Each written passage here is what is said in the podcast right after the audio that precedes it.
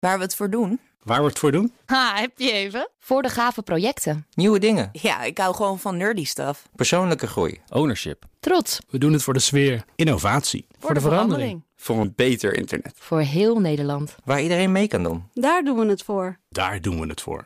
Waar doe jij het voor?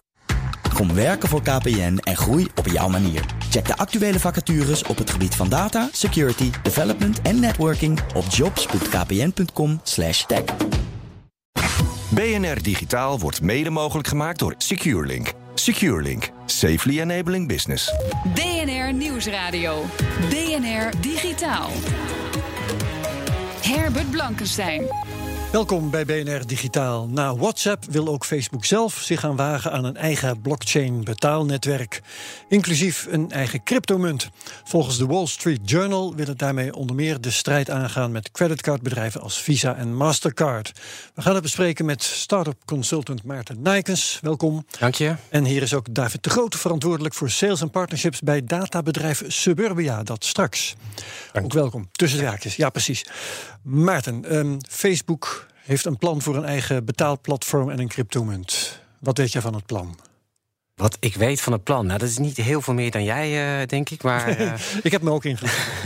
nee, ja, nee, het plan. Kijk, Facebook wordt eigenlijk al vrij lang. Uh, ja, er wordt al vrij lang gesproken over een betaalvariant voor Facebook. Hè. Zij hebben in 2014 ja. ongeveer een van de kopstukken van PayPal ook weggehaald en op, op een team gezet. die, sinds 2014 is daar van alles gebeurd. Die man is nu ook naar een soort blockchain-team gegaan. En nu wordt dus gesproken over een eigen cryptocurrency. Nou, als je dan doorleest van wat die cryptocurrency precies inhoudt, dan is het eigenlijk geen cryptocurrency. En dat is natuurlijk wel vaker zo bij Facebook. Nee, en zou het dat moeten zijn, vraag je ook af. Hè? Als, ja, nou ja, ja, vanuit Facebook geredeneerd kan ik van allerlei redenen verzinnen waarom zij een eigen currency zouden willen hebben. Maar ja, maar het, het, hoeft niet speciaal een, een evenbeeld van Bitcoin te zijn, bij wijze van nee, nee, het wordt ook nu een stablecoin genoemd. Hè, en dat is eigenlijk, uh, als ik dat met mijn Bitcoin-vrienden bespreek, wordt daar een beetje laatdunkend over gesproken. Hè, want dan heb je, dat is eigenlijk helemaal geen cryptocurrency. En dus, maar ze zijn Omdat ermee bezig. De, de, de, stablecoin daarvan is de waarde gekoppeld aan echte valuta. Ja, Daar komt het ja. En, en, wat ik wel heel opmerkelijk vind, is dat er, worden, er wordt echt wel een team gebouwd. Dus er echt serieus geïnvesteerd. Er worden veel mensen naartoe getrokken. Er staan ook iets van 20 vacatures open, zag ik. Uh, maar wat je ook ziet, is dat, en dat vond ik wel merkwaardig, uh, is dat zij eigenlijk iets van uh, ongeveer een miljard dollar nu uit de markt aan het halen zijn. Vanuit allerlei investeringsfondsen. Waarvan je kan afvragen van waarom hebben ze dat nodig? Want volgens mij is Facebook nog steeds een van de rijkste. Een plek waar geld gedrukt wordt, zo ongeveer. ongeveer. ongeveer wel. Dus ja. dat, dat vond ik wel opvallend. Van waarom zouden ze dat dan nodig hebben? Dus het is wel interessant wat er gebeurt. En uh, om, het, om het verhaal dan helemaal rond te maken, ze mikken daarbij, vooral uh, lijkt het op uh, India. En dat ze daar willen kijken oh. hoe zij met WhatsApp in India eigenlijk een soort concurrent van Mastercard en Visa Card kunnen worden. Ja, um, maar um, is duidelijk wie met zo'n valuta, coin, hoe moet je het noemen, uh, wie, wie zou moeten gaan betalen en voor wat? Nou, wat, wat heel veel uh, mensen uh, niet zo goed weten, is maar dat vooral webwinkeliers best wel wat geld moeten afdragen aan bijvoorbeeld een Visa of een Master of een American of Express. PayPal, 6 Of PayPal of, ja. of, of, een ING of wat dan ook. Uh, die, die, die, ja, 2 à 3 procent. Ja. En bij, bij American Express is het nog hoger. Nou, en, en bij PayPal is het weer wat lager. Maar het ligt ook weer aan hoe groot je bent als webwinkelier. Ja, hoe kleiner je bent, hoe meer je eigenlijk. Het voordeel je kunt, uh, ja, precies. Dus daarvan uh, wordt nu in dat, in dat document wat ik heb gelezen, wordt wel uh, gezegd dat Facebook dus zegt: Nou, die hele kostenstructuur die, die schaffen we af. Dus daar zit naar de webwinkelierkant een gigantisch groot voordeel. Ja. Dus dan hebben die ineens niet die 2, 3 procent. Nou, dat is best wel wat. Ja, en verder is het natuurlijk zo dat allerlei games, ik denk aan Second Life, maar ook World of Warcraft, en dat, die hebben hun eigen currency waarin dan artikelen in zo'n game te koop zijn. Ja. Um, bij Facebook kan dat voorbeeld natuurlijk ook gebruiken ja. om ervoor te zorgen dat uh, nou ja, advertenties, dat je die daarin kunt afrekenen. Uh, maar ja. ook als je op basis van een advertentie iets koopt. Nou, en, dat... en, en, wat ook grappig is, in de, ik loop al een tijd mee in die hele social media wereld, maar er wordt ook al lang gesproken om eigenlijk uh, gebruikers te belonen voor het klikken op een advertentie. Klopt. En ja. dat, dat wordt nu ook hiermee in verband gebracht. Is dat ze eigenlijk een soort ecosysteem willen gaan creëren. Uh, uh, waarbij gebruikers voor het klikken van een advertentie. Uh, iets in die cryptocurrency of die, die, die stablecoin uitgekeerd krijgen. Maar dat, dat is al heel vaak geprobeerd. Uh, ik herinner me dat zelfs nog uit de dotcom-boom, eind jaren negentig. Klopt, ja, ja, ik heb het zelfs wel eens gedaan. En, en, en, ja. en, dan kon je op een banner klikken en dan kreeg je gewoon geld dan voor. Kon je, als je een beetje doorklikt, kon je gewoon een kwartje per dag verdienen. Ja. Uh, of iets ja, ik, ik, van grote. niet eens noemen, is, is het hele grote voordeel dat zij enorm uh, ja, inzicht krijgen in, in wat er wordt uitgegeven en waar. En dat nee, is natuurlijk enorm veel waard. Uh, los nog van het hele. Die model, als, je nou af, als je je afvraagt waarom zou Facebook dit willen doen. En ja. is het natuurlijk weer data, data, data. Zeker. Ja, en dat is dan natuurlijk ook de reden dat ze zo'n betaalsysteem, stel dat het dat wordt, uh, kunnen aanbieden onder de prijs. Exact. He, de prijs die PayPal wel moet rekenen, die Mastercard wel moet rekenen, en noem ja. het maar op. Uh, dat hebben zij niet nodig, want daar, uh, dat is hun verdienmodel niet. Het is voor hun een model om aan data te komen. Klopt helemaal. En ze maken dan eigenlijk gebruik van een blockchain-technologie. om waarschijnlijk die kosten. om het, het, het hele systeem in lucht te brengen. Uh, ja, te minimaliseren. Maar het verdienmodel ja. aan hun kant, hè, wat bij Mastercard en Creditcard. is dat in die zin eigenlijk vrij transparant. Nou, dat wordt bij Facebook dus de vraag. Nou, de vraag, ik kan je het jou wel invullen. dat gaat uiteindelijk weer ten koste van de privacy van de gebruiker. Ja, en heeft de gebruiker een argument om Facebook zijn betaalmiddel te gaan gebruiken? Ja, nou, dat is een goede vraag. Kijk, uh, ik, ik, ik heb er wel wat op doorgelezen. En je ziet de mensen die een beetje verstand hebben van zaken uh, over hun eigen privacy, die zullen zeggen nee. Maar heel veel mensen hebben toch wel, zijn vrij gemakkelijk in het ja. gebruik van, van, van Facebook. Dus ik denk dat de gebruiker dit uiteindelijk heel erg interessant gaat vinden. En je ziet natuurlijk ook WeChat in, in China doet het op een andere manier. Doet het al. Hè. Die hebben payments al helemaal geïntegreerd in hun chat, uh, chatplatform. Ja, ja. En mensen kunnen offline daar ook echt super makkelijk mee betalen. Ik heb het gezien in, in actie. Ook voor de bus, bij wijze van ja, spreken. Echt, echt, echt, ja. echt perfect geïntegreerd. Maar ook daar zie je natuurlijk, hè, China. Nou, die hebben ongeveer de Big Brother is Watching You uh, digitaal uitgevonden. Ja. het lijkt dat Facebook die slag nu ook uh, gaat maken. Ja, um, oké. Okay. En kunnen ze, kunnen ze dan dominant worden daarin, denk je? Of wordt dat ja. gewoon een van de vele betaalopties? Ze zijn het al. Het ja, nee, Facebook is een sociaal netwerk dominant, ja. maar als betaalmethode natuurlijk nu nog niet. Ja, nou ja, de vraag is een beetje van hoe. Het is natuurlijk al best wel moeilijk gebleken om dat goed te integreren. Kijk, uh, We, WeChat uh, in ja. China deed het eigenlijk al vanaf het begin. Hè. Dus, die, die, dus bij Facebook wordt het voor gebruikers denk ik best wel wennen. En, en, en Mark Zuckerberg heeft nu ook echt een, een soort pivot aangekondigd. Hè. Een pivot is een soort start-up term van goh, we gaan nu dingen echt helemaal anders doen. Ja, je gaat dan. Pivot is eigenlijk dat je naar een ander product gaat. Ja, nou ja, en daar past dit, daar past dit wel heel erg in. Dus ik, nou, je hebt net uitgelegd dat, ze, dat het heel goed past in hun huidige product. Nou ja, ze gaan data dus helemaal op messaging. Hè. Ze, gaan dus, ze gaan echt zwaar op messaging. En, uh, en daar past natuurlijk dit payment stuk. Als je naar het WeChat-platform uh, kijkt, gaan ze dat eigenlijk bijna kopiëren. Ja, ja, het is het Chinese, het Chinese model ja. uh, bij Facebook. Oké, okay, um, Facebook zou dan een, een betaalbedrijf worden? Zouden ze dan ook onder die nieuwe betaalrichtlijn PSD2 uh, moeten gaan vallen? Ja, nou, dat is, dat is een, een interessante vraag. Maar PSD2, ja, we hebben hier iemand van... Misschien moeten we daar David eventjes over lastig vallen. PSD2 is eigenlijk ideaal voor Facebook. Hè? Want PSD2 uh, maakt het eigenlijk voor grootbanken, zoals ING... Uh, ja, min of meer een verplichting om uiteindelijk... Uh, na toestemming van de Uiteraard, dat is wel heel belangrijk. Dat wel, maar ja. om data te delen met derde partijen, zoals een Facebook. Dus Facebook profiteert eigenlijk in deze van de PSD2-richtlijn. Als ze het nodig hebben, want ik weet niet zo goed met, ja. die, met deze stablecoin ja. of ze dat überhaupt nodig hebben. Ja, en ze hebben nog een lange weg te gaan, ook denk ik, om dit een betaalmiddel te maken dat mensen willen gebruiken. Want creditcard is natuurlijk in Amerika en andere landen een, een, een dagelijks betaalmiddel. Maar in, ja. Europa en Nederland is dat niet zo. En het momentum uh, in verband met privacy en dergelijke is ook wel een beetje tegen Facebook. Want uh, nou ja, uh, het grote publiek weet ik niet helemaal zeker. Maar, Ze hebben de politici en, door alles wat er is gebeurd. Ja, er is, er is wat dat betreft heel veel aan bedenkingen op dit moment in de markt. Ja, ja maar het grappige is wel dat. dat Jullie hebben helemaal gelijk, maar toch denk ik wel dat de massa daar. Ja, blijft daar een beetje ambivalent in. En je ziet ja, nee, dat Facebook, geloof ik ook wel. Ja. Facebook, Facebook nu een soort uh, in een communicatie, een soort frame aan het creëren is dat hun pivot niet alleen uh, messaging is, maar ook private messaging. Dus ze gaan nu in één keer zogenaamd privacy omarmen. Ja. Waarvan jij en ik eh, denken van, maar wat is dan de definitie van privacy voor Mark Zuckerberg? Maar je ziet ze duidelijk wel uh, nu kijken van, jongens, we gaan alles anders doen. Privacy is heel belangrijk voor ons, echt waar. Dus ze zijn er wel mee bezig om die mindset bij de, de massaconsument, om het zo te zeggen, al een beetje te kneden naar van, hey, privacy is belangrijk voor ons, dus je kan ook prima via ons platform gaan betalen hoor. Is geen probleem.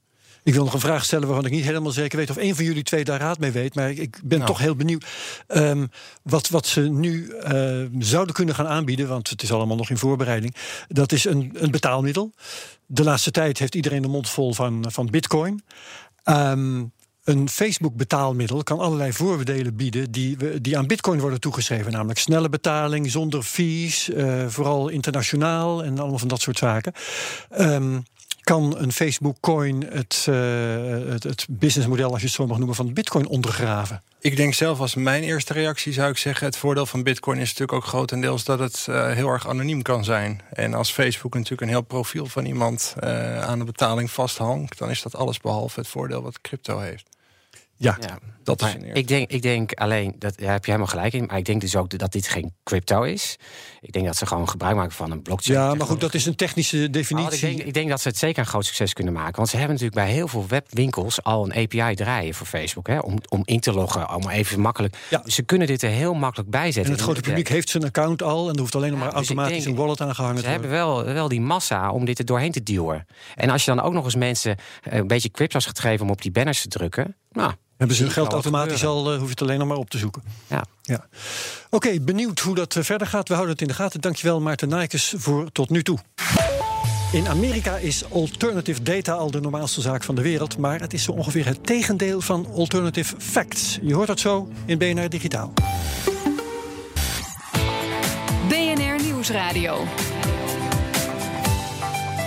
BNR Digitaal. En welkom terug bij BNR Digitaal. Satellieten, sensoren en andere bronnen, allemaal leveren ze een berg aan data op. Maar het wordt pas echt interessant wanneer al die informatie op een slimme manier met elkaar wordt gecombineerd. ING, Venture, wat dat is, leggen we zo uit. Suburbia doet het en maakt daarmee wat ze zelf noemen alternatieve data. En bij ons is David de Groot, hij is verantwoordelijk voor sales en partnerships bij Suburbia. Welkom. Nogmaals. Maarten Nijkers is er trouwens ook nog, start-up consultant. Yes. Um, David, wanneer is data alternatieve data? Noem eens een voorbeeld. Nou, de naam die zegt het dan een beetje. Alternatief is natuurlijk het alternatief op traditionele data. Maar wat is traditioneel dan eigenlijk? Nou, traditioneel, dat ligt er natuurlijk aan over wat voor soort bedrijf je het hebt, wat voor soort data zij gebruiken om hun beslissingen te maken. Maar als je kijkt naar eh, bijvoorbeeld investeringsmaatschappijen of overheden en dergelijke, dan kijken ze vaak naar bijvoorbeeld jaarverslagen. Ze kijken naar rapporten van CBS en dat soort instellingen. Um, het nadeel alleen dat vaak dit soort, is dat dit soort data vaak heel erg uh, ja, toch beschouwend is op het jaar ervoor. Uh, niet heel erg actueel is. En dat is eigenlijk hmm. waar alternative data in komt. Um, ik moet zelf zeggen dat ik de term alternative data nog steeds zeer ongelukkig vind. Vanwege die associatie die ik zelf ook al had met alternative facts. Dat is ook altijd de grap die je krijgt op de evenementen. Dus alternative data, alternative facts. So is it any good? Yes, it is. Ja. Ehm, ja, wat wij doen inderdaad is eigenlijk het verzamelen van allerlei soorten data uit heel veel verschillende uh, bronnen. Uh, zoals je zelf al zei, dat kan van alles zijn. Dat kunnen zijn uh, sensoren, dat kan zijn betaaldata, dat kan zijn satellietdata, dat zeker een hele interessante is. En ja, wij helpen eigenlijk bedrijven om uh, ja, sneller betere beslissingen te maken. Zo ja. En gaat het in alle gevallen om openbare data of gaat het om data waarvoor jij de boer op gaat? Nou ja, eh, openbaar is een, een lastig begrip. Nou, ik weet bijvoorbeeld dat van, eh, je noemt satellieten. En ik weet dat van allerlei satellieten de data gewoon gratis en, uh, en voor iedereen te krijgen. Zeker, ja, ja. ja. Er zijn bedrijven, bijvoorbeeld in Amerika, dat is echt wel een mooi voorbeeld van uh, hoe alternative data, zeg maar jaren geleden al een beetje voor het eerst opkwam.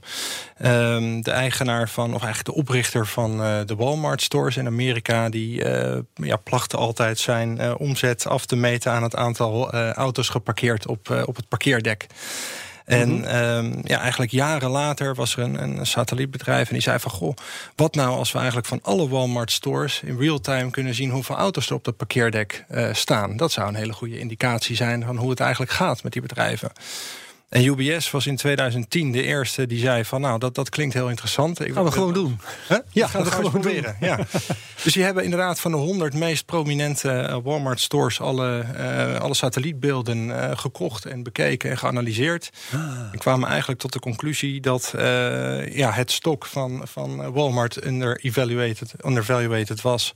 Dus het heeft het over data die zijn op, liggen op zich voor het grijpen. Ja. Alleen niemand heeft nog de moeite gedaan om te grijpen. Nou zeker, ja. Wat, wat ik zei in Amerika is het, eh, dat zei je zelf ook al, is het iets wat, wat al ontzettend leeft. Het is echt wel een, uh, een volwassen markt, zou je daar kunnen zeggen. Uh, om een mooi voorbeeld te noemen van een nieuwsfeit. Nasdaq heeft daar vorig jaar het grootste alternative data platform gekocht. Het zegt wel iets over de bus die daar gaande is. Um, en dit soort data wordt in, in, in, uh, zeker in Amerika al heel veel gebruikt, maar ook in Europa. We hebben verschillende soorten klanten. We hebben, wat ik zei, investeerders, maar we hebben ook overheden die dit soort data gebruiken. En daarbij heb je voorbeelden als bijvoorbeeld uh, een van de overheden die onze, onze dienst gebruikt die kijken eigenlijk op basis van satellietbeelden of, het, uh, uh, of eigenlijk het geld dat ze uitgeven aan ontwikkelingshulp, of dat inderdaad wordt gebruikt voor het bouwen van bruggen, uh, het, aan, het verbreiden van een elektriciteitsnetwerk, uh, dat soort zaken. Dat kunnen ze natuurlijk heel mooi in real time volgen. Ja. Dat is een ontzettend interessante inslag. Ja, maar schakelen ze jullie daarvoor in? Want dat hoeven ze misschien niet eens. Ze kunnen misschien zonder jullie ook wel. Dat zou wellicht kunnen. Het is alleen zo dat wij proberen met machine learning en, en data science allerlei datasets met elkaar te koppelen, waardoor ze misschien ook kunnen zien of uh, het eventueel niet ontwikkelen van uh, een weg bijvoorbeeld te maken heeft, misschien met het weer op dat moment of met andere zaken. Ah, ja. Je moet allerlei dingen doen om het bij elkaar natuurlijk een, een hele interessante combi van inzichten ja. te maken. Mag ik, mag ik dat over vragen? Ja. Jullie zijn een ING-onderdeel, uh, een ING-venture. Venture, Ja.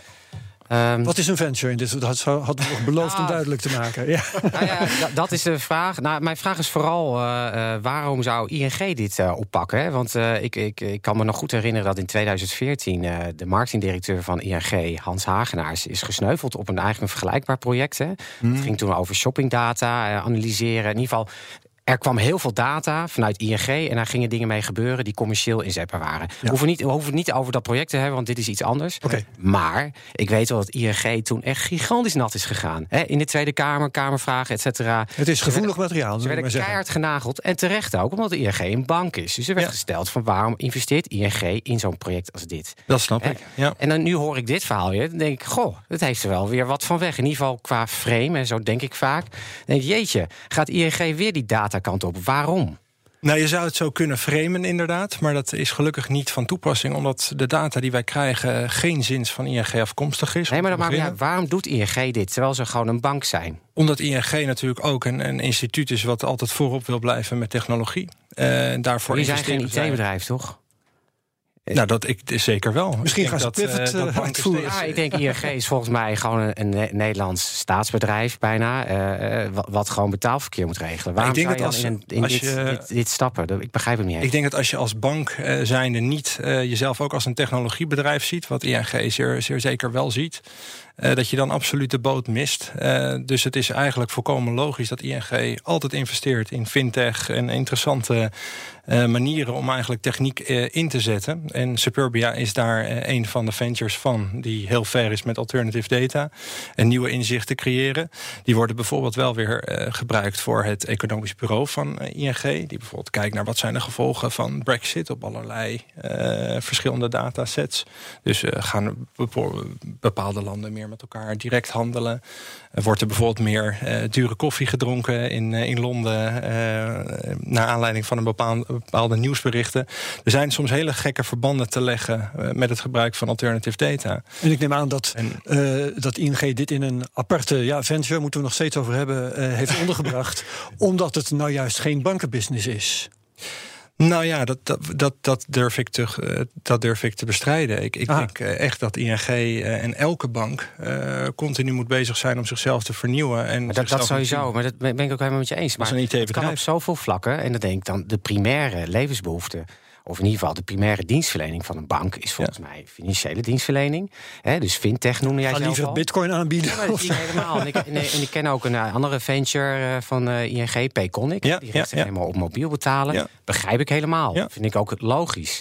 Dan denk ik van, goh, er zijn zoveel andere dingen... die ik met jou nu in deze uitzending kan gaan verzinnen... wat een ING nog beter kan nou, doen. Misschien moet ik het zo, dienstverlening. Nou, misschien moet ik het zo aan je uitleggen... dat bijvoorbeeld uh, het economisch bureau van ING... dus een hele belangrijke afnemer ook is van deze inzichten. Ik ook. En dat, dat is een bank. afdeling markt. Uh, nou, we gaan dit cijfer wel zo even afronden hoor. Ja, nou ja, dat is een bank. En dat is een onderdeel van een bank. En we hebben het economisch bureau nodig ook om beslissingen en inzichten te krijgen. Dus in die zin snap ik heel goed waarom ING zegt dat deze inzichten hun kunnen helpen bij het beter maken van beslissingen. Nou, nog even uitleggen wat een verschil is tussen een venture en ja, iets anders.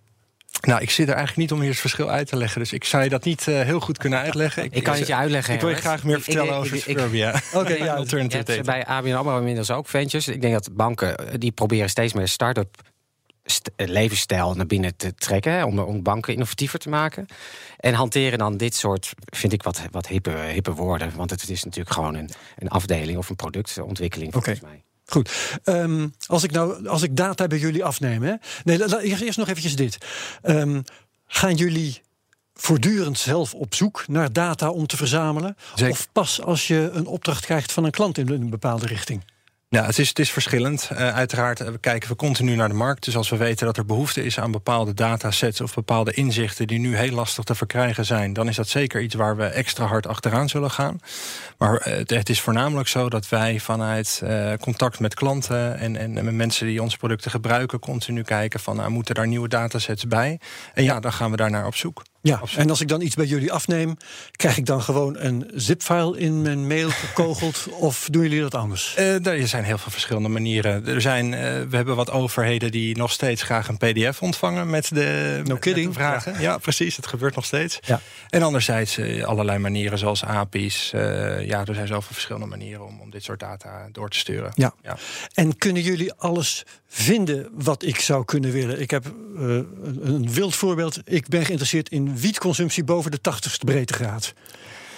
Ik denk dat wij die zeker kunnen vinden. Dat zou op allerlei manieren kunnen. Uh, het kan zijn dat er. Maar dan ga je gewoon als een soort detective ga je dat halen. Dan gaan wij eens kijken waar we dat zouden kunnen halen. Ja, dat is een van mijn, uh, een van mijn taken. Ja. ja. Um, zijn, er, zijn er data die jullie laten liggen?